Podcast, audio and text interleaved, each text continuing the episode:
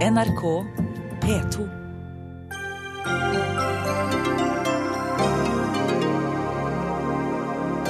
TV 2 omorganiserer og kutter til sammen 177 årsverk. Dette varsler slutten på det TV 2 vi kjenner, sier tidligere TV 2-sjef. Hvorfor skal norske bønder gidde å lage spennende kvalitetsprodukter som nøttefòret utegris, tyrols gråfe og gammel norsk spelsau, hvis systemet gir bonden samme pris uansett hva slags kjøtt som leveres? Er det sin maktesløshet USA demonstrerer når John Kerry truer Russland med å kutte all forbindelse dersom ikke Syria-bombingen stanses, og Russland vender det døve øret til? Og er det rasisme når en norsk dragartist parodierer den sørafrikanske stjernen Miriam Makeba, og har en hvit mann i 50-årene i det hele tatt rett til å mene noe om det?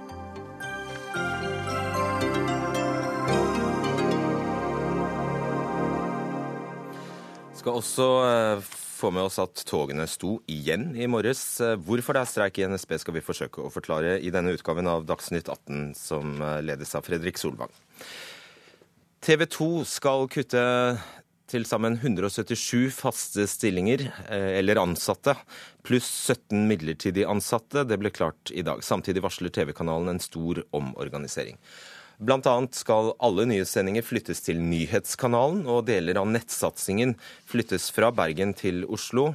Alt sammen for å spare minst 350 millioner kroner innen 2020. Kjetil Sviland, du er partner i lederutviklingsselskapet Timbr.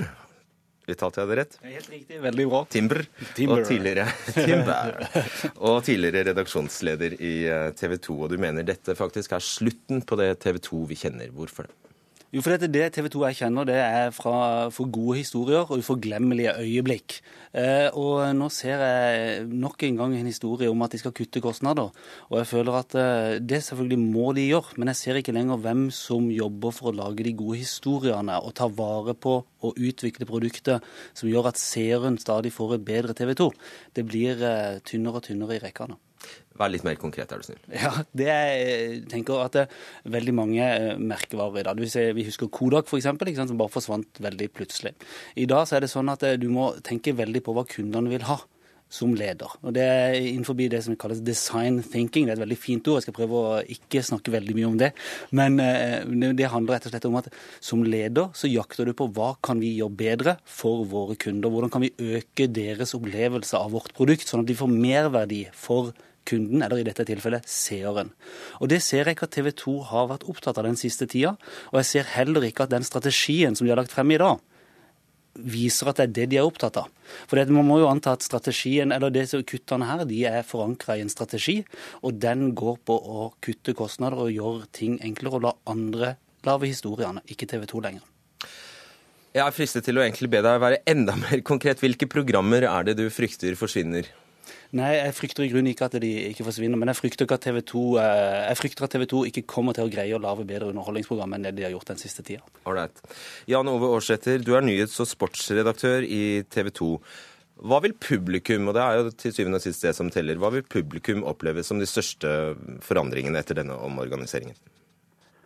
Jeg tror at publikum først og fremst vil eh, merke at vi satser enda mer på det som er framtidas TV-plattform, som er streaming. Der var vi tidlig ute. Vi var verdens første TV-kanal som starta med betalt strøminnhold på TV. Og Det gjør at vi har den største abonnementstjenesten i Norge i dag. Er det positivt for publikum at de må begynne å betale for noe de har fått gratis tidligere?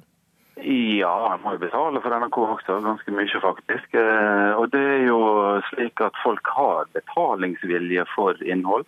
Og i denne nye plattformen så får en jo også veldig mye mer innhold enn det en har fått før. Så det er altså, det du snakker om er altså TV2 eh, Sumo, som dere tar mål av dere til skal bli den viktigste strømmetjenesten i Norge ved siden av eh, Netflix. Sviland, det er en det måtte skje. Selvfølgelig må det endring til, det er vi alle innforstått med. Og, men det er det med hvordan man jobber med endring, og hvordan man jobber for å komme styrka ut av det. I dag så går jo først og fremst tankene mine til de som eh, tror de kanskje må slutte i kanalen, og alle de som er påvirka av denne endringa i, i, kanalen. Men jeg tror kanskje hvis man hadde jobba med endring på en annen måte enn det man har gjort de siste årene i TV 2, så hadde det ikke sett helt sånn ut som det gjør i dag. Årseter, eh, bare ta hva betyr det at dere flytter nyhetene til eh, nyhetskanalen? Det betyr at når, vi da, når kuttet endelig kommer til oss Nå har jo alle andre mediehus i Norge kutta, også på TV. og Så kommer da turen til oss sist. Eh, og Det er jo fordi, slik som jeg tolker det, litt motsatt av Sviland. Så er det fordi vi har gjort en god jobb. Eh, og vi går mot det beste, eller nest beste året på seks-sju år. Men det var lavere og lavere seerandel på TV-kanalen? Det er ikke riktig. Vi går mot, eh, som, som jeg sier, da, av de beste årene på, på, veldig mange år. På lineær TV-titting? Det er riktig. I markedsandel. Og så gjør vi nå en endring. Og det er jo fordi at eh, seervanene endrer seg. Folk ser mer på strømmetjenester som NRK sin, som er veldig god og som Netflix sin, og som HBO og Viaplay osv. Den endringa må vi ta opp i oss, og så må vi sette inn ressursene deretter. Betyr det, bare for, for nyhetenes del, betyr det at de forsvinner fra hovedkanalen? Nei, du sa at vi flytter nyhetene til nyhetskanalen. Det, det er omvendt. Vi gjør faktisk en, en, endring som går ut på at uh, nyhetskanalen, som har vært en stor suksess, blir navet i vår måte å lage nyheter på. Det betyr færre desker, færre støttefunksjoner, færre avdelinger. Og vi skal jobbe på den måten at vi alle sammen jobber i nyhetskanalen. Og så skal vi levere en god 21-sending når klokka blir ni på kvelden. Og så skal vi levere God morgen Norge. Og den 21-sendingen skal sendes på uh, hovedkanalen TV 2? Den skal sendes på, på, hovedkanalen. Og God morgen Norge skal fortsette på TV 2. Så seeren kommer ikke til å merke denne endringa. Nettopp fordi at vi tar ut veldig mye kostnader i desking, i ledelse og i å flytte rundt på innhold internt i huset, så skal vi nå ta opp i oss at uh, verden har endret seg, og vi må modernisere. Okay. Det, det, er samme runder som alle må gjennom. og i dag så har jeg kun fått gode tilbakemeldinger internt på at vi tar, eh, tar dette oppgjøret og endrer oss på den måten. Eh, Sviland, det er jo et av kravene fra, kanskje nesten det eneste kravet fra regjeringen eller Kulturdepartementet i denne allmennkringkasterkonsesjonen det har vært snakket så mye om, at uh, kanalen skulle ha faste nyhetssendinger, og at de skulle sendes fra Bergen. Er de innafor med det de gjør her? Det uh, har ikke jeg noe uh, tanke om. Nå har vi ikke TV 2 søkt om den nye konsesjonen, eller den som er utløst i denne runden her. Så hva Jan Ove og de andre i ledelsen har tenkt å gjøre der, det vet ikke jeg noe om. Er det med tanke på det? Altså, vil, føler du at dere er innafor, Aarsæter? Ja, selvfølgelig er vi innafor. Vi eh, sitter jo igjen her med det desidert største private redaksjonelle miljøet i Norge. Og eh, at vi velger å organisere oss mer effektivt. Det tror jeg både Kulturdepartementet og våre eiere vil, vil sette pris på. Eh, så tenker vi at i denne runden her så var det i mandatet å ikke endre på styrkeforholdet Oslo-Bergen eller balansen Oslo-Bergen. Og vi ønsker å fortsatt eh, ha en uh, hovedsending som er 1830 og 21, som blir avvikla fra Bergen, noe som vi har hatt siden 1992. Okay, Men hvor er grepene som gjør at det skal bli bedre underholdningsprogram? Hvordan skal dere metodisk jobbe med å finne ut hva seerne forventer at dere leverer? Hvordan skal TV 2 være i stand til å kunne levere et program som Skam? For det er jo bygd på nettopp målgruppearbeid og det å jobbe med behovene som seerne, eller forventningene som seerne sier de har til en TV-kanal. Hvordan skal dere jobbe med det, Årsæter? Svar veldig kort. Det er et godt eksempel, eh, Skam. Eh, vi hadde Petter Uteligger i fjor vår, som ligger tett opp mot nyheter og aktualitet. Og Det er jo den store trenden. Du har 'Making a Murderer', du har Åsted Norge, eh, og du har da Skam, og du har Petter Uteligger. Norsk virkelighet tett opp mot fakta. og Det er jo kjempegledelig at det er nettopp den type innhold som en trend, en voksende trend både i Norge og i Skandinavia. Eh, og Det er jo gledelig. og Det har vi uttalt i dag. Det området som ikke er reinspikka underholdning, men noe mer, noe viktigere, noe mer vesentlig, der okay. skal vi satse mer. Du vinner iallfall ikke fremtidens eh, seer med kutt, du vinner det med kvalitetshistorier. Hjertelig takk skal dere ha. Kjetil eh, Sviland og Jan Ove Aarsæter. Dagsnytt 18 alle hverdager kl 18.00 på NRK P2 og NRK2.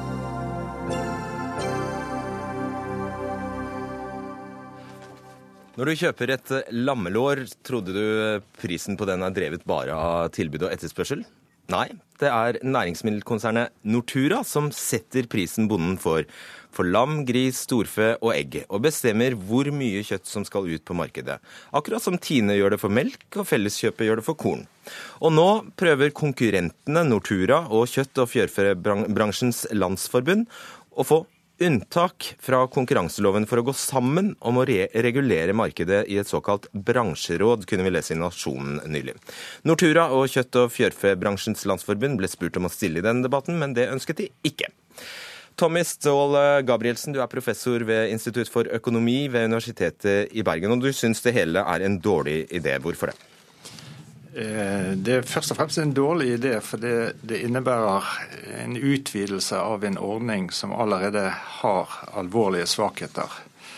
Eh, den ene siden av det er det jo dette med at eh, nå altså Per i dag så er det Nortura som er markedsregulator for kjøtt, og som skal balansere markedet.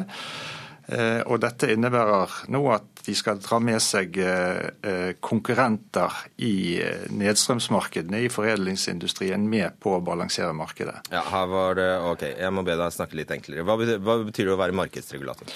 Det betyr at Nortura skal regulere markedet i den forstand at de har målpriser på råvarene som de skal søke å oppnå. Eh, og hvis det er overskudd i markedet, så eh, må de da ta ut eh, produkter av markedet gjennom lagring og innfrysing eller produksjonsregulering eller andre tiltak. For at bøndene skal oppnå de prisene som er avtalt i jordbruksoppgjøret. Og og det at uh, Nortura og nå KLF uh, skal være markedsregulator sammen, hvordan, uh, det, hvordan vil det skape mindre innovasjon? For det er ditt største ankepunkt. Ja, Ankepunktet når det gjelder innovasjon, er selve ordningen. Dette eh, samarbeidet nå mellom KFL og Nortura innebærer bare en utvidelse av ordningen, og har i og for seg også konkurransemessige bekymringer fordi at det er konkurrenter eh, som går sammen eh, om å regulere markedet. Eh, og Bare det at det krever et nytt unntak fra konkurranseloven, eh, viser jo hvor alvorlig dette er. Og Hvis vi tar på, tar på oss forbrukerbrillene, hva er det vi bør være bekymret for? Eh, når det gjelder selve ordningen, så er hovedproblemet at, som du nevnte innledningsvis, at produsentene ikke får signaler om konsumentenes behov eller markedssituasjonen i det hele tatt. Så det betyr at man sitter på et kontor og avgjør hva, eh, hvor mye kjøttet skal lages, og hvor, hva prisen på den skal være, uten å ta hensyn til hvilket kjøtt og hvor mye kjøtt forbrukerne faktisk ønsker. I grove trekk så er det realiteten, ha. Per Ingvar Olsen, du er professor ved Institutt for innovasjon og økonomisk organisering ved eh, Handelshøyskolen BI. Og avstanden mellom marked og produsent blir for stor når prisen skal settes av eh, aktørene, og det blir få insentiver til å lage nye, gode produkter eh, når man får betalt samme pris uansett, lyder jo egentlig resonnementet her. Det er ganske logisk? Det er sikkert logisk, men det er jo et stykke fra virkeligheten. da. Fordi at uh, Realiteten her er som det ble sagt, at uh, markedsreguleringen er basert på jordbruksavtalen, som da partene i jordbruket og staten forhandler fram, og som sanksjoneres av Stortinget. Og Nortura har jo et oppdrag fra staten for å regulere enkelte ting i kjøttmarkedet. Og kortsiktig markedsbalansering stort sett sørge for de volumene som omsettes, da blir omsatt i det norske markedet. Eh, dette er jo en avgrenset del. Hvis vi ser på kjøttmark gjennom de siste 15-18 år, så er jo prisene falt eh, gjennomgående. Vi har nominelle priser i dag som er helt lik de de var eh, for 18 år siden. Det er intens konkurranse mellom aktørene i industrien. og er, Reguleringene her er ikke til for å regulere industrien. Det er, et system for kollektiv markedsregulering på bøndenes side av systemet. Eh, og Det betyr jo at eh, det er en, altså landbruket som regulerer. Det er råvareproduksjonen. Okay. Og, det, og, Dette er jo en veldig viktig del av å forstå hvordan dette fungerer. Da. Ja, det var jo bakgrunnen. Det er, det, det er bakgrunnen. Men forklar så enkelt du kan. Hvordan kan det være bra for konkurransen at de to eneste aktørene som finnes, slår seg sammen? Altså, De skal ikke slå seg sammen. Um, de konkurrerer alle disse intenst i vanlige konkurransemarkedet, der dagligvarekjedene forhandler med alle, og det er der prisene avgjøres i vanlige I siste leddet? Ja, i siste leddet. Så før det, det så finnes det ikke noen konkurranse? Før det så er det jo da konkurranse også om å kjøpe kjøtt fra bøndene og slakte kjøtt, men det er et regulert, åpent, transparent marked for omsetning av halvfabrikata mellom aktørene ut fra regulator. Og Dette er jo det som de da skal inviteres inn i nå, og være med og se til hvordan dette foregår på fair vilkår, sånn at det ikke er vridninger i konkurransen som følge av reguleringene. Og Det syns jeg i prinsippet er greit, i og med at det er et kollektivt reguleringsansvar for bøndene man snakker om. Lars Petter Bartnes, leder i eh, Norges Bondelag. Eh, bondelag. Eh, dette systemet er eldgammelt, er basert på omsetningsloven fra 1936. Hvilket formål tjener det først og fremst? Du vet, eh, Den produksjonen som vi snakker om her, er jo en biologisk produksjon som har lang ledetid. altså Fra ei ku blir para til kalven er født til oksen er ferdig fôra opp, så har det gått tre år. Og det er klart at Fluktasjoner i markedet på volum vil oppstå, og da er det viktig at man har mulighet til å balansere, så at man produserer eller får eh, tilstrekkelig med varer ut i markedet etter hvert som det endrer seg. Et godt eksempel på priselementet her. For det første så er jo som Per Ingvar Olsen sier, at prisen, den relative prisen på kjøttet har jo gått eh, faktisk ned i en lengre periode her nå. Hvis vi går tilbake... Da med det, det med innovasjon, da, som ja, var det egentlig det fremste ja, og, og, argumentet? Jo, og, og der, der, er vi jo i en veldig interessant situasjon. Altså Når det gjelder innovasjon, så er det disse bedriftene, Tine og Nortura, har en stor innovasjonskraft. Innoverer 50-100-150 eh, nye produkt hvert år møter kjedene og byr fram. Her er det ikke sånn at disse bedriftene ikke eh, er ute på produktutvikling, men de sliter med å få gjennomslag for hylleplassering. Det skjønner man, men man må jo spørre seg om det kunne ha vært enda flere produkter. Ja, og Da er det ganske spennende å se på hvilken funksjon markedsreguleringa har for mangfoldet. Og det er De lokale foredlerne, de eh, regionale bedriftene, nyter godt av denne reguleringa. Og eh, reguleringa reduserer risikoen for småskalabedriftene, som gjør i neste omgang at det blir interessant å utvikle nye produkter, som vi ser veldig gode eksempler på fra regional mat, som etter hvert kommer i kjedene nå. Ok, Hva sier du til det, Gabrielsen? Ja, Til det siste poenget. altså Alle disse eh, småskalaprodusentene som nå utvikler uh, nye produkter i, i, stor stil, det er jeg helt enig i, og det er et veldig positivt trekk. Men poenget er de er jo vel i, i de aller fleste tilfeller utenfor markedsbalanseringsordningen. Sånn at uh, det er et helt annet, de er under et helt annet regime. Er de det, Bartne? Det er jo i hvert fall ikke sånn at denne reguleringa er en trussel for disse lokalprodusentene. Tvert imot, både Tine og Nortura bidrar til distribusjon av disse produktene. Bidrar til at de får mulighet til å møte markedet der markedet er. Og husk på, Småskalaprodusentene er plassert rundt omkring i landet, til dels også lang avstand til de viktige markedene. Så Sånn sett så er det ikke en brems i forhold til innovasjon og utvikling. Tvert imot, det bidrar til mangfold i matmarkedet. Selv om vi ikke har motbevis, motbeviset, da. Det er faktisk sånn at eh, det mangfoldet vi har i dag, det er skapt av politisk Ja, det skjønner jeg, men vi har ikke motbevis. Det går, det går ikke an å motbevise på en måte. Eh, nei, jeg håper vi slipper å se den situasjonen. Terje Halleland, statssekretær i Landbruksdepartementet for Frp. Din eh, statsråd har sagt at han er urolig for konkurransen i markedet hvis Nortura og KLF går sammen om markedsregulering. Og Konkurransetilsynet har også uttrykt skepsis. Hvorfor det? Ja, eh, Det er jo litt på den bakgrunnen som har kommet. Altså, Fremskrittspartiet og regjeringen har vært bekymra fra dag én eh, om denne ordningen som vi har, er nok til å skape en god konkurranse og, og gi forbrukeren det, det mangfoldet og, og, prisen som en kan få. Og Derfor så har vi satt ned et utvalg. Eh, det utvalget kom med en uh, tredelt innstilling. Uh, som, som, alle uh, ønskte endringer ut ifra systemet. Så Det er vel det eneste vi kan si, det er at eh, systemet kommer til å bli endra. Men vi tar de innspillene som, som kommer nå, og, ser på hva vi kan gjøre for å ivareta uh, konkurransen, få en økt konkurranse, få, for forbrukeren mer inn på, uh, på den sida. Og så kommer vi med en jordbruksmelding i høst som vi skal legge fram, der vi da tar en, en runde med Eh, markedsbalanseringa og ser på hvilke måter vi kan gjøre dette på for å skape mest mulig og en bedre konkurranse eller hva vi har i dag. Oppsummert en arbeidsgruppe? Nei, det, vi kommer til å legge fram en jordbruksplan til, til jordbruksmelding til Stortinget Vi er klare på hva vi ønsker å gjøre med markedsbalanseringa i jordbruksmeldingen. Og så er det Stortinget som skal behandle den og, og eventuelt gå god for det som regjeringa legger fram. Bare forklar oss kort, Olsen. På papiret kan det se ut som bonden ikke har noe insentiv til å lage kjøtt av ekstraordinær god kvalitet, f.eks. Hvis, hvis han får samme pris for kjøttet åkkesom. Det er jo kvalitetsprising av kjøtt inn, så de kan jo levere bedre varer og få Det er jo et system for det. Så det er jo ikke sånn at dette er en dette er jo en regulering av halvfabrikata si, mellom, mellom, aktørene i, i, industrien, først og fremst. Da. Og så er det en balansering av råvaremengder inn.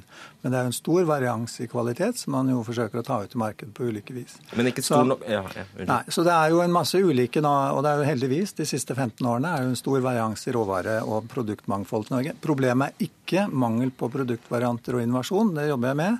Problemet tror jeg er mye mer butikkstruktur i Norge. med altfor få storbutikker med stort varemangfold, og derfor veldig vanskelig å skalere småskalaprodukter i Norge. Og hva skulle alternativet være, Gabrielsen?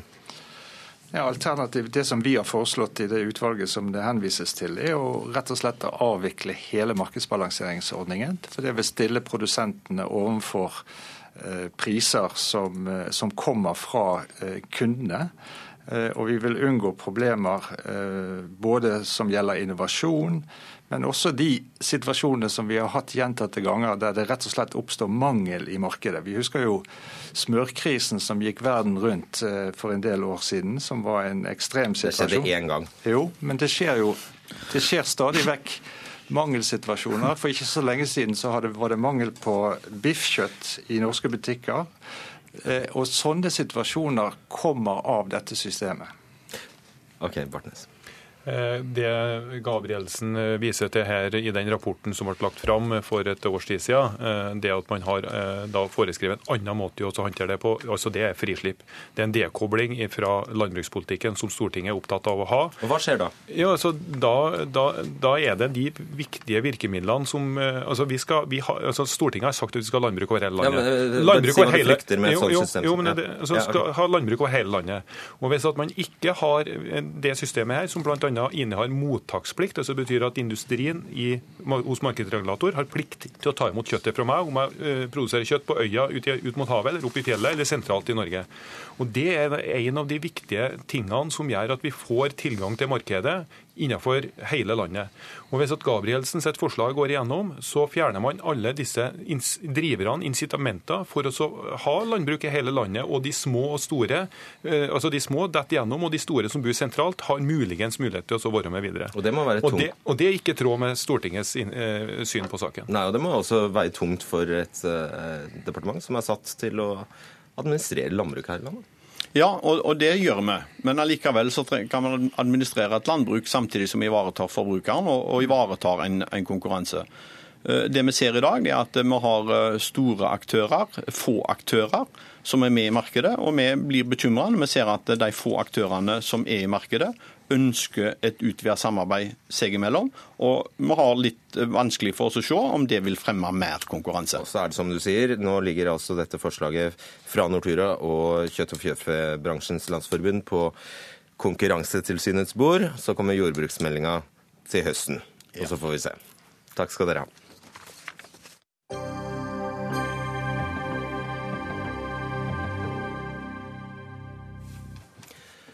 Forholdet mellom USA og Russland er på frysepunktet etter den mislykkede våpenhvileavtalen i Syria. I går kveld truet USAs utenriksminister John Kerry sin russiske kollega Sergej Lavrov med å kutte all forbindelse eh, dersom ikke bombingen i Syria stanses. Og svaret fra Russland er at bombingen fortsetter. Julie Wilhelmsen, forsker ved Norsk utenrikspolitisk institutt, NUPI. Hvordan tolker du dette svaret fra Russland? Eh, nei, jeg syns for så vidt ikke det er eh, overraskende. Eh, fordi Russland er over i en annen fase. Det er, har markert ganske tydelig at det er i opposisjon til en amerikansk verdensmakt som dikterer hva som skal skje rundt omkring i verden. Hele, hele, den russiske intervensjonen i, eh, i, Syria er på en måte et forsøk på å si at eh, regimeendringspolitikk ved hjelp av militær intervensjon, som USA har holdt på med rundt omkring i verden, det skal vi ikke ha noe av. Vi skal inn. Eh, Assad, om ikke han som person, så skal regimet eh, bli sittende. Så det er, det er et Russland som eh, ikke vil la seg diktere, og som kommer til å insistere på eh, å forfølge sine interesser og være med å forme eh, verdensorden. Det er på en måte derfor det er en veldig interessant seanse. For du ser at så fort USA eh, tar Russland på alvor og sier vi trenger dere for å bekjempe IS, da er du faktisk i stand til å få Russland på banen og kanskje til og med kompromisse litt. Men idet USA begynner å diktere, så sier Russland nei. Vi skal gjøre det som vi vil. Og dermed handler dette mindre om Syria og mer om eh, forholdet mellom de to? Ja, det handler om forholdet eh, mellom de to, og det handler om eh, USAs posisjon i verden på mange måter. Og det er jo selvfølgelig tragisk for uh, Syria. Anders Tvegård, korrespondent i uh, Washington. Hva, hva, hvordan har reaksjonene vært på Kerrys utspill i USA? Dette ses på som eh, ganske tannløst og uten særlig virkning. Republikanere i Kongressen, eh, ledet an av eh, John McCain og Lindsey Graham, de driver nærmest gjøn med utspillet og sier hva er det Kerry forventer av Putin? Reise hjem fra bjørnejakt og gi ordre om å avslutte angrepene fordi Kerry truer med å bryte samtalene og et planlagt samarbeid, spør de. Her er jo da debatten i ferd med å dreie tilbake igjen til om USA skal gjøre gjøre mer for eh, opprørerne, slik at eh, opprørerne kan kjempe mot eh, russiske og syriske styrker på bakken? Eh, som du sier, altså Republikanerne Antyder de at uh, Kerrys utspill er et uh, tegn på en desperasjon, uh, eller at man er i ferd med å tappe ansikt i konflikten? Altså, eh, Fra starten av som utenriksminister så har eh, John Kerry sagt at uh, han og USA vil gjøre det de kan for at Assad skal rekalkulere, innse at han ikke kan vinne en krig på bakken. Den strategien der den har jo opplagt slått feil. Kerry og Lavrov de, de kranglet høylytt under FN-toppmøtet her forrige uke. Det er en, Forholdet mellom de to har ikke vært så dårlig siden den den kalde krigen. Um, og, og, så er det jo det at Kerrys uh, trussel her, uh, den følges jo ikke opp. altså Man vet jo ikke hva neste skritt vil være. Eller om USA er villig til f.eks. å innføre ytterligere økonomiske strafftiltak mot Russland, som, som, som de startet med i forbindelse med Ukraina-konflikten. Uh, hvis vi skal se noen måneder fram uh, i tid, uh, hvis Donald Trump styrer USA, hvor sannsynlig, han, hvor sannsynlig, er det da at han inngår faktisk, som han har antydet, en, en, avtale med Russland og rett og slett sier at dette er deres problem, dette er et russisk problem? Vi, vi ikke ha noe med det å gjøre? Ja, det er jo to vidt forskjellige uh, verdenssyn de to uh, kandidatene har. Og uh, folk her har jo hørt om Trumps forhold til, Putin. Han sier at han er en, forretningsmann som da liker å inngå avtaler. Eh, men eh, nå er det jo eh, fortsatt en, en, politikk som ikke er hamret ut. Altså Vi vet jo ikke så mye om Trumps utenrikspolitikk ennå. Og ofte så skifter han jo også mening. Så, så dette her er foreløpig usikkert. Nå er det jo også sånn at rundt de amerikanske middagsbordene så snakker man jo ikke så altfor mye om forholdet til mellom, mellom USA og, og, Russland. Man har hørt at russerne har truet med å hacke seg inn på, på amerikanske servere og, og kanskje rigge til valget her. Eh, men, men bortsett fra det så, så, så, er det ikke noe som står eh, høyt på, på annet enn den politiske agendaen her i, her i Washington. Takk skal du ha, Anders eh, Tvegård. Jeg vet vi må videre til noe annet. Julie Wilhelmsen, hva er den korte versjonen av årsaken til at Syria-forhandlingene ikke førte fram, og at denne våpenhvilen klappet sammen? Nei, Den korte versjonen er jo rett og slett at forholdet mellom Eh, eh, Russland og USA er historisk dårlig siden eh, krisen i, i, Ukraina. Og som sagt så er Syria på en måte et slags testcase for, eh, for, Russland. Et forsøk på å engasjere seg mer globalt og, og sette eh, en stopper for det de mener er et, et, et type verdenspolitivirksomhet de ikke eh, syns at USA eh, skal bedrive. Og da er det jo ikke, det er ikke store eh, muligheter eh, i utgangspunktet. Eh, og på mange måter så syns jeg det er overraskende over at man har kommet så langt som man har kommet eh, i de forhandlingene. Og det sier kanskje litt om at tross alt så er Russland etter krisen i Ukraina de ser etter ting å samarbeide om for å komme litt ut av, eh, av isolasjonen. Og fra USAs side så, så, er det jo også sånn at Russland faktisk eh, skal jeg si, har, har, en viktig rolle nettopp når det gjelder å, å kunne få eh, kontroll over Assad og kanskje få ham med på et samarbeid for å bekjempe IS. Og det, det, det, jo, det gjør jo at USA på mange måter er nødt til å ta litt hensyn til, til Russland. 300 personer har i dag demonstrert i Russland mot uh, Russlands delaktighet i denne krigføringen i, i, Syria. Det er kanskje overraskende at uh, det i det, hele tatt skjer? Eh, nei, Det er jo ikke overraskende i den forstand at også russere bryr seg om menneskelig lidelse og syns at det er, er, grusomt. Men det er nok ikke veldig betegnende for eh, hvordan i hvert fall den politiske eliten i Russland ser på situasjonen. Hvis vi tar som eksempel Duma-valget vi akkurat har lagt bak oss, så er det jo slik at de fire partiene som sitter i, i Dumaen eh, nå, det er én ting de er enige om, og det er at eh, eh Putins håndtering av krisen i Ukraina og Syria har vært vellykket, og at man må stå opp mot og, bekjempe eh, USA. Eh, koste hva det koste vil. Så det at Russland sier nei til USA og fortsetter å bombe, det er på en måte den politikken Putin har backing for eh, blant eliten i, eh, i, i Russland. Ikke bare i Dumaen, men altså i sin indre krets også, der veldig mange hauker dominerer om dagen. Så ja, det går, og det er fint. Det går fremdeles an å, å demonstrere i Moskva, men dette er ikke veldig innflytelsesrike røster. Mm. Og helt, eh, helt, til slutt, er det sånn nå at iallfall USA er helt prisgitt hva Assad vil? Og hvor mye av, eh, hvor mye av territoriet han ønsker, hvor han ønsker å stanse? Um, nei, det, eh, det, tror jeg ikke. Jeg tror kanskje at Eh, det USA gjør, eh, i veldig stor grad er, er prisgitt hva, eh, også hva som skjer internt i, i, USA. Og Derfor er jeg ikke så sikker på den, den analysen om at hva, hva kommer Trump til å, til å, gjøre, at det nødvendigvis blir så veldig annerledes enn det Obama gjør nå. For det tilfellet er grunnen til at altså Kerry har egentlig ikke veldig stort handlingsrom. Han må ta hensyn til den eh, indre eh, debatten i, i, USA og det enorme eh, hva skal man si, det, det, veldig negative synet man har, eh, ikke bare på Russland, men selvfølgelig på, på Assad. Det kommer til å være en, en definerende linje i, i USAs eh, politikk fremover, uavhengig av hvem som sitter der. Takk skal du ha, Julie Wilhelmsen.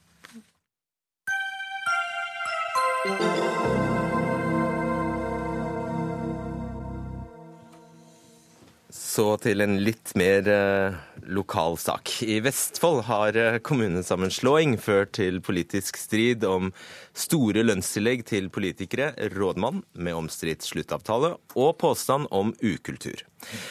19.10 konstitueres nye Sandefjord kommune med selve oppstarten 1.1. En sammenslåing av Sandefjord, Andebu og Stokke. Og en av ordførerne som mister klubba si etter omorganiseringen, går inn som leder for et nyopprettet utvalg i nye Sandefjord kommune med betydelig skal vi kalle det, styringstillegg. Eh, Karin Wirik, du er gruppeleder for Sandefjord eh, Venstre. og Du er absolutt tilhenger av at de tre kommunene slår seg sammen, men det som har skjedd i kjølvannet av organiseringen av nye Sandefjord kommune, er du sterkt kritisk til. Hva er du så, eh, er du så kritisk til? Nei, Jeg er kritisk til at vi, vi har jo kjørt, kjørt, en veldig sånn åpen og inkluderende og demokratisk prosess helt til vi, vi kommer til å diskutere politikernes godtgjørelser og eksordføreres uh, lønninger osv.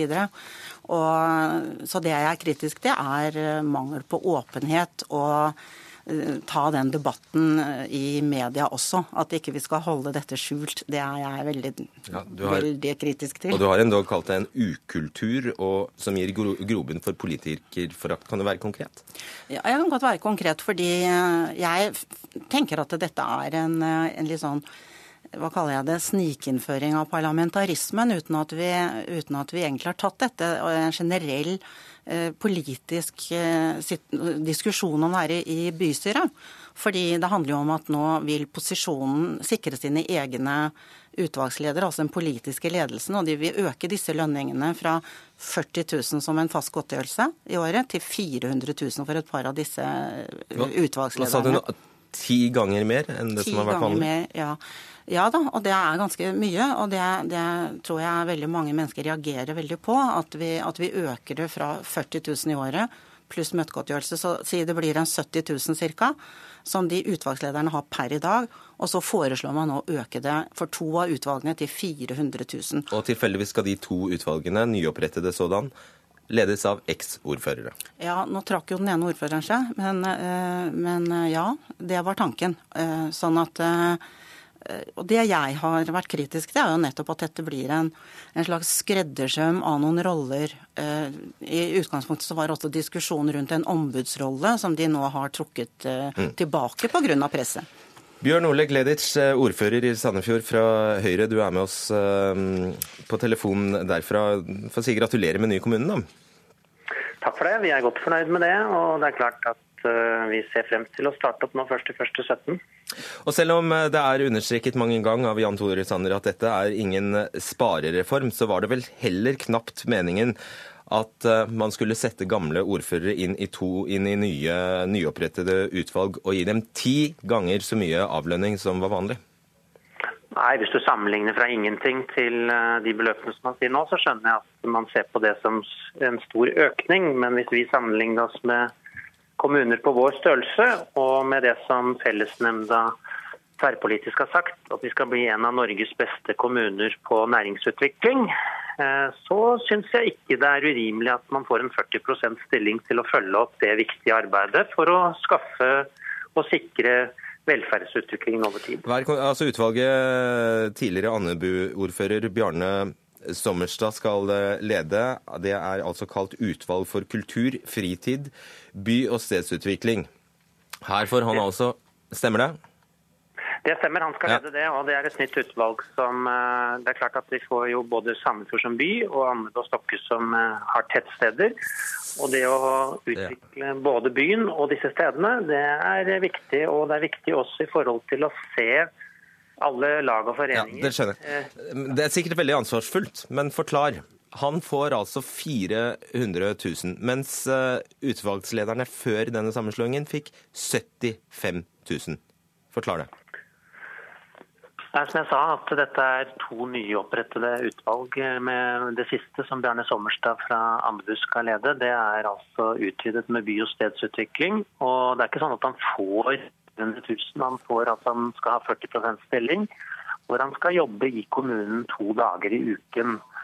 Og Hvis ikke vi bare skal ha pensjonister som skal være med i politikken, så må vi også være villige til å kjøpe fri mennesker som ønsker å jobbe positivt for kommunen og se innbyggerne våre all frivilligheten. Ja. og være med på å skape en helt ny kommune som skal være fremoverlent. Han måtte ha så mye, Virik, for å ta jobben? Ja, jeg, jeg, kjøper ikke helt den argumentasjonen. Og jeg ser også på Vi har eh, flere andre utvalg. Vi har Oppvekst og kunnskap, som er et veldig veldig viktig utvalg. Hvor mye får lederen der, da? 200 000. Halvparten. Halvparten. Og jeg tenker Halvparten at, så viktig utvalg, da. Ja, ikke sant. Det håper jeg ikke det er. Men, eh, men jeg tenker jo også at eh, Eh, levekår og oppvekst og kunnskap er, er, noe av den utfordringen vi virkelig har i Sandefjord kommune. Vi ligger dårlig an på, på levekårsstatistikken. Dere er en ganske fattig kommune? Uh, ja, det er fattig er vi ikke, men vi er fattigere enn mange andre kommuner. Men når, når Gleder sier at det er et nytt utvalg, og at det betinger eh, dobbelt så godt betalt, så er jeg helt uenig i det. Fordi vi har en administrasjon som også skal jobbe parallelt her. Og det samme gjelder jo næring og eiendom, næringsutvikling og eiendom. Vi har ansatt en ny næringssjef. Og, og, og vedkommende skal også jobbe. Så jeg tenker at det man gjør her Og vi kan ikke sammenligne det med Bærum og Oslo og Trondheim. Fordi Ja, vi har, vi har en prinsipiell diskusjon på den der først. Jeg vil bare at vi skal rekke å komme innom eh, rådmanns, eh, altså eks, eh, altså rådmannslønnen også. Til, altså det gjelder Gisle Dan. Han, Men- men- Vent- litt, Gleditsch. Vent litt. Vi reduserer folkevalgte utgifter til folkevalgte med mellom 3 og 4 millioner ved å slå disse kommunene sammen. Eh, Ja, hva har det med saken å gjøre? Vi har noe med saken at vi har altså sørget for at vi får frigjort mellom 3 og 4 millioner kroner, som vi kan bruke på bedre Ja, men Dere skulle slå dere sammen, det var jo hele poenget. Det var jo hele poenget med å slå seg sammen. Ikke at skulle spare, det var ikke noe selvfølge det. Ok.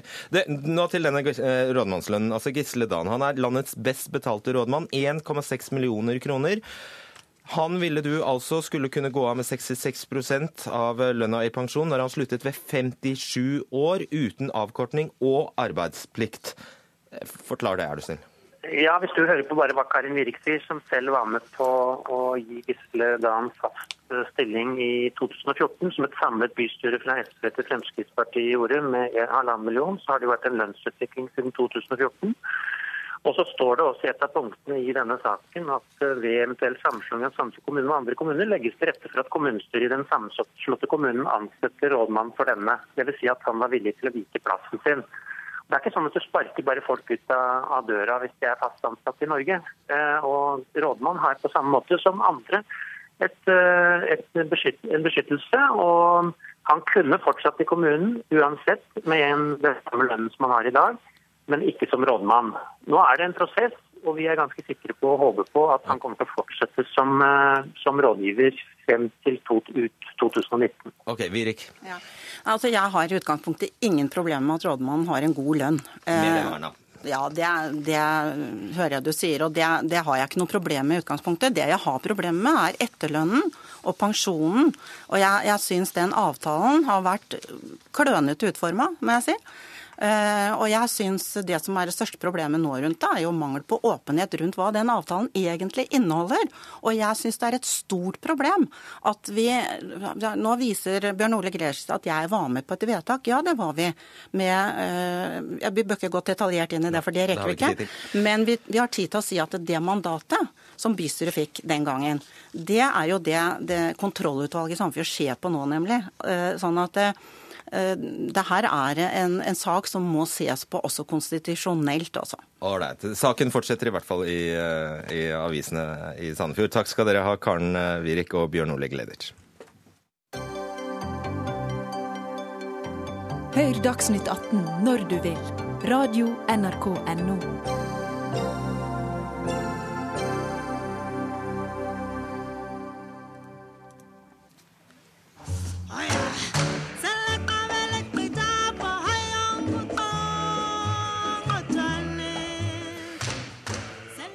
Dette er den sørafrikanske stjernen Miriam Makeba med 60-tallshiten The Click Song. Og under skeive sørlandsdager i slutten av august framførte den tidligere Great Garlic Girls-artisten Dean Erik Andersen en parodi på Makeba, der han utkledd i fargerike klær vrikker overdrevet på rumpa og lager klikkelyder. Et fast nummer på hans repertoar de siste 15 årene. Men denne gangen ble det bråk, og debatten har rast i bl.a. homomagasinet Blikk. For er dette rasisme? Thomas Salava Preste, du er danser og koreograf, og du svarer ja på dette spørsmålet. Du skulle jo selv, selvfølgelig helst ha sett uh, dette nummeret, men hvorfor er dette rasistisk? Jeg kan først understreke at um, jeg kjenner Din, um, og vil understreke at Din er på ingen måte en rasist. Um, også når jeg selv kom ut, uh, for de som ikke ser meg, så er jeg mørk i huden, uh, så var Din den som vernet om meg og den rasismen som er i homomiljøet. Men eh, sånn som stykke, det stykket og den satiren som grenser på blackface, og som gjør narr av en del kulturelle uttrykk Hva er blackface? Er, blackface er når man maler seg svart i ansiktet og paroderer stereotypisk svart oppførsel. Dette er linket til lynsjingene i USA, og linket til apartheid og også de menneskelige dyrehagene som på, gikk en utstillingsrunde i Europa. Så det er ganske problematisk historikk som grenser mot å ha en tilknytning til genosid. Og Det er også derfor mange reagerer. Det er ikke helt harmløs humor det er snakk om. Det har en historikk. Spiller det noen rolle for deg at Din Erik Andersen selv sier at det overhodet ikke var ment rasistisk, og han beklager hvis det ble oppfattet sånn, og han vurderer nå å ta det av eh, repertoaret sitt? Selvfølgelig. altså Jeg er ikke en av de som har reagert sterkest eh, på dette. her. Jeg bare rett og slett bekrefter at den type kulturuttrykk er del av en rasistisk historie og tankegods. Selvfølgelig så er det verdt mye at din går ut og sier, eller artisten selv sier at dette var ikke sånn det var tilsiktet. Og det skal man også ta til etterretning, og det har han også tatt til etterretning. Hva? Ja. Eh, jeg trenger bare en gang til at du forklarer, for jeg begriper det ikke helt. Hva er det som er rasistisk ved det? Det er at det er linket til å gjøre narr av svarte mennesker på den måten, er del av en historikk som er, man brukte for å forsvare genosid, rasisme, apartheid og drap og tortur på svarte mennesker. Og det blir rasistisk fordi han er hvit? Ikke fordi han er hvit. Altså Om jeg hadde stått og gjort samme type etterligning og gjort narr av, så ville det også vært del av en problematisk historikk. Eh, så nei, det er ikke bare fordi han har vist at det er problematisk, men fordi det også gjør at han blir med på en maktstruktur som har vært problematisk et par hundre år, så gjør det ikke saken noe bedre. Men nei, det er ikke fordi han har vist at det er problematisk. Jostein Pedersen, du er journalist. Du mener dette ikke er rasistisk. Hvorfor det? Fordi at jeg tror at man må skjønne hva et dragshow var. Når man går på et dragshow, så går man dit fordi at man vet sånn halvveis hva, hva, man forventer. Dvs. Si at man vet at man blir provosert. Man vet at det er uh, komedie, og man vet at det er uh, harselering med ens egne holdninger. Og altså Det er akkurat det samme som å kjøpe en billett til, til et teaterstykke med, med Strindberg og Ibsen. ikke sant? Altså du vet, hva, du vet, på en måte hva du får, ikke sant? du vet også hva du får når du, når du går på et dragshow. Altså. Og uh, jeg er jo veldig glad for at, at, uh, at uh, Andersens hensikter her faktisk ikke blir kriminalisert, og, og at han blir hengt ut som rasist. For det. jeg kan virkelig ikke tenke meg noe så langt utenom rasisme som, som dragshow. Altså. Men, men det, det, altså, kan, du, kan, du, kan, du, virkelig si det? Altså Bare fordi det er drag, så kan det per definisjon ikke være rasistisk? Fordi at drag i utgangspunktet, det er jo altså en mann i uh, kvinneklær som jo gjør um, narr av uh, flertallets uh, holdninger både overfor seg selv og overfor hva de hva skal jeg si, kalle det, agerer. ikke sant? Og det, det, er jo det som er i, i teatrets form, rett og slett. ikke sant? Ja, jeg skjønner det. Ok, eh, Presta. Ja, altså det som er interessant å ta opp her, er f.eks. artistens intensjon selv. Eh, fordi han er ikke en injurerende eh, komiker. Altså Han er ikke en komiker som er ute etter å ha komedie som provoserer og som støter eller sårer noen. Så det er noe med å faktisk forstå at i dagens samfunn så er det faktisk en del mennesker som opererer i de rommene, som faktisk forventer å gå og se drag, men forventer å kunne le og ha det moro på samme linje som de andre som sitter der, og er beskyttet av sin trygghet og sine privilegier.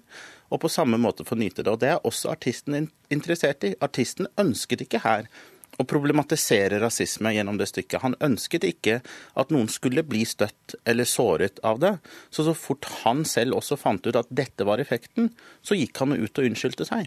Så å forsvare det på den måten som det blir forsvart nå, sagt at det bare fordi det er drag, så er det uproblematisk om man tangerer på det rasistiske. Altså det, han har også nevnt RuPaul's Drag Race. RuPaul's Drag Race tar en kjempeavstand fra den type drag. Og det gjør også veldig store deler av dragverden.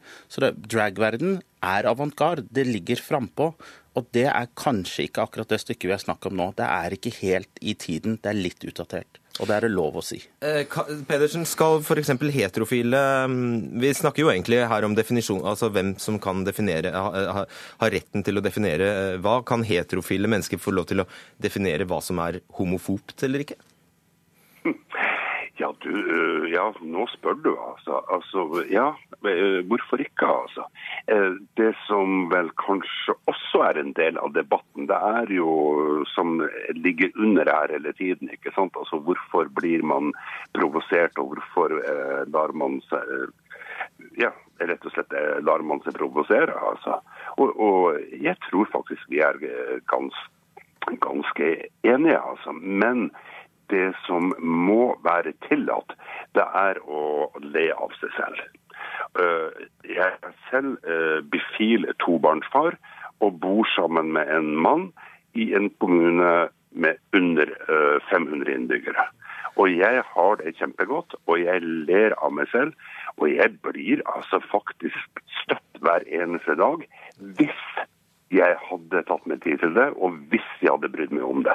Men jeg Men kan nå sa du jo selv det. alle privilegiene du har som gjør at du har det såpass trygt og godt at du kan det. Og det er faktisk litt vesentlig her. Fordi du er på toppen, så kan du le. Og da er det ikke vits å sparke nedover. Betyr at det, men og avslutningsvis, ja, jeg, kniper deg der, Pedersen, og du må svare raskt nå, Prestø. Betyr det at minoriteter kan aldri le av minoriteter? Man kan selvfølgelig, og det gjør man jo hver eneste dag. Man skrur jo på TV-en, så er det komedie hver eneste dag hvor man ler av minoriteter. Eller på bekostning av minoriteter, da? Det kommer an på hvordan man ler av, ler av det, men man skal ikke le av genosid og historisk tortur. Det kan vi være enige om. Ok. Thomas Talava Prestø og Jostein Pedersen, takk skal dere ha.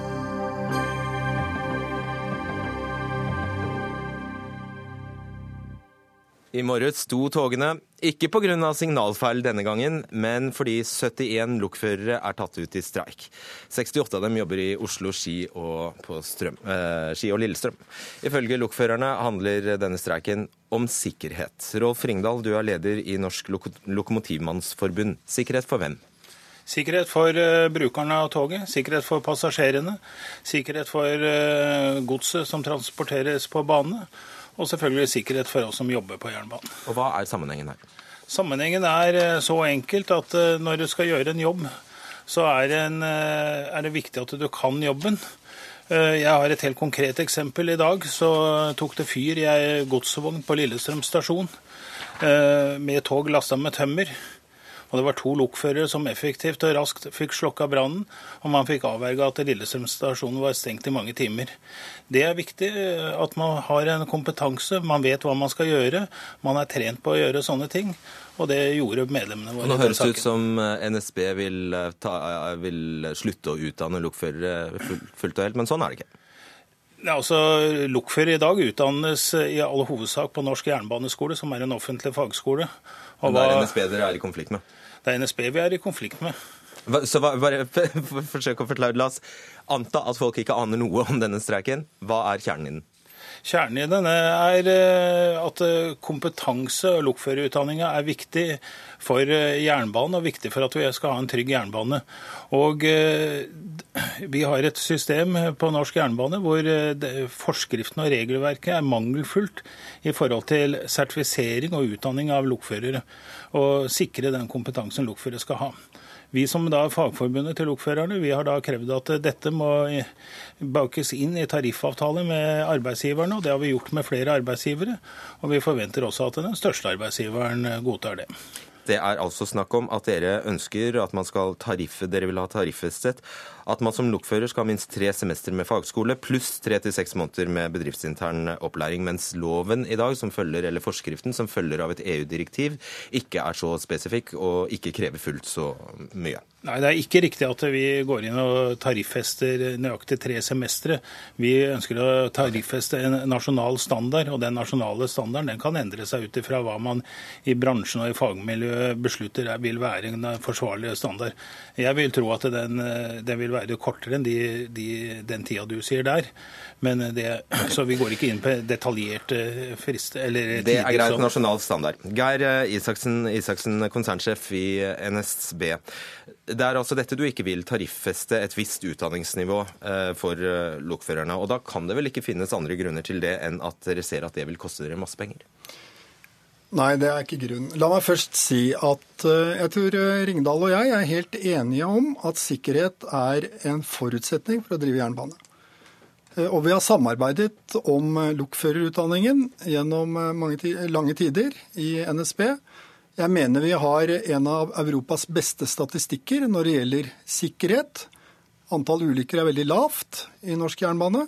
Og vi har en veldig høy utdannings, et høyt utdanningsnivå. Det er greit. Så alt det der tror jeg vi er enige om. Det som gjelder en nasjonal standard, det mener vi det må fastlegges av offentlige myndigheter og gjøres gjeldende for bransjen. Eh, og vi kan ikke gjennom en tariffesting fastlegge dette. Da gir vi våre ansatte en vetorett på endringer i eh, utdanningen. Og det er ikke riktig av oss. Vi må ha styringen på den utdanningen. Den er nødvendig for sikkerhet, for kvalitet, for hvordan vi framstår. Så dette er nok kjernen, hvorvidt man skal tariffeste slike krav til utdanning i NSB eller ikke. Og jeg har sagt Vi jobber gjerne sammen med Lokomotivmannsforbundet om å fastlegge en nasjonal norm for utdanning, men vi kan ikke tariffeste det og gi fra styringsretten.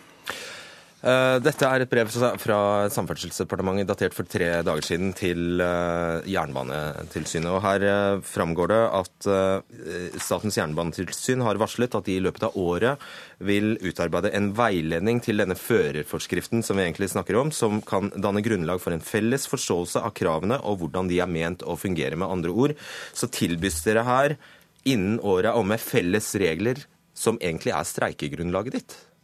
Eh, det er mulig, du har rett i det. Det vet vi jo ikke. Vi vet ikke hva den veiledningen vil inneholde. Vi har eh, overfor, eh, altså overfor politisk hold, altså departementet, i over ett og et halvt år bedt om en slik utredning, og at en slik utredning skulle ha vært på, på plass for lenge siden. Det at det da går et brev kvelden før en mekling starter, med gode intensjoner, det, det sikrer ikke oss. Men det kan hende det sikrer oss til neste tariffoppgjør. Og da vil vi selvfølgelig, selvfølgelig forholde oss til det. Tror du passasjerene syns det er noe ålreit å høre at du fikk en sånn mulighet, men valgte å overse den? Jeg har ikke valgt å overse den. Eh, der kan vi spille ball mot hverandre antagelig hele tiden. For jeg vil vel hevde veldig klart at dette burde arbeidsgiverne da ikke kaste passasjerene ut i en sånn konflikt. Men jeg tror ikke vi skal på en måte bruke dette studioet til et sånt eh, type forhandlingsrom. Isaksen, togselskapene Cargolink og Cargonett Cargonet har prøvd å gjennomføre en lokførerutdanning på vesentlig kortere tid enn denne fagskoleutdanningen. Eh, og der snakker vi faktisk om fire måneder, hvis jeg ikke tar eh, veldig feil. Da har jo dette noe med sikkerhet å gjøre? Det har åpenbart noe med sikkerhet å gjøre hvordan man utdanner lokførere. Og vi ønsker en nasjonal standard der som er tydelig er helt på linje med det Rolf sier, at vi, vi bør arbeide for å få den på plass. Eh, og så var det jo tilfellet i disse to uh, selskapene du nevner, at uh, der var Jernbanetilsynet ikke fornøyd med det nivået man hadde lagt seg på. Og da etterlyser bransjen hva er nivået da? Hvilken standard skal man legge seg på? Vi i NSB vil aldri gå på akkord med sikkerheten. Det er en av våre kjennetegn, og det er et premiss for å drive et togselskap at du har orden på det. Og Derfor så vil vi heller ikke legge inn en utdanning som ikke oppfyller nødvendige krav til det.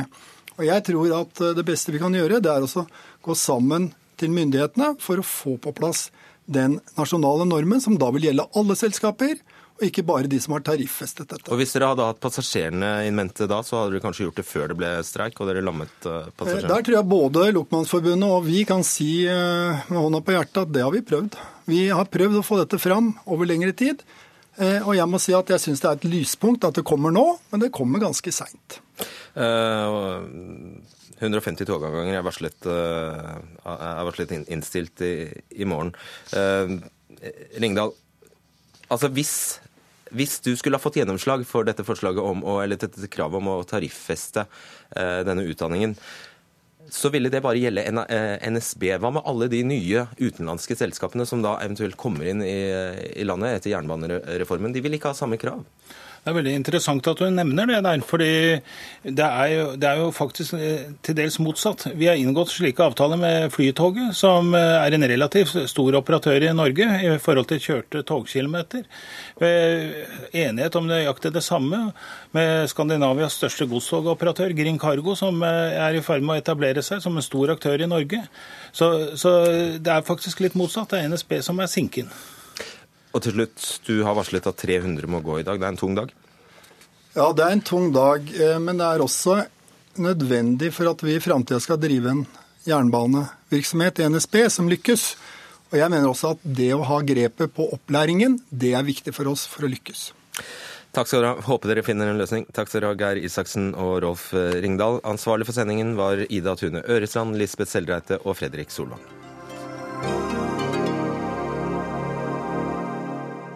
NRK P2.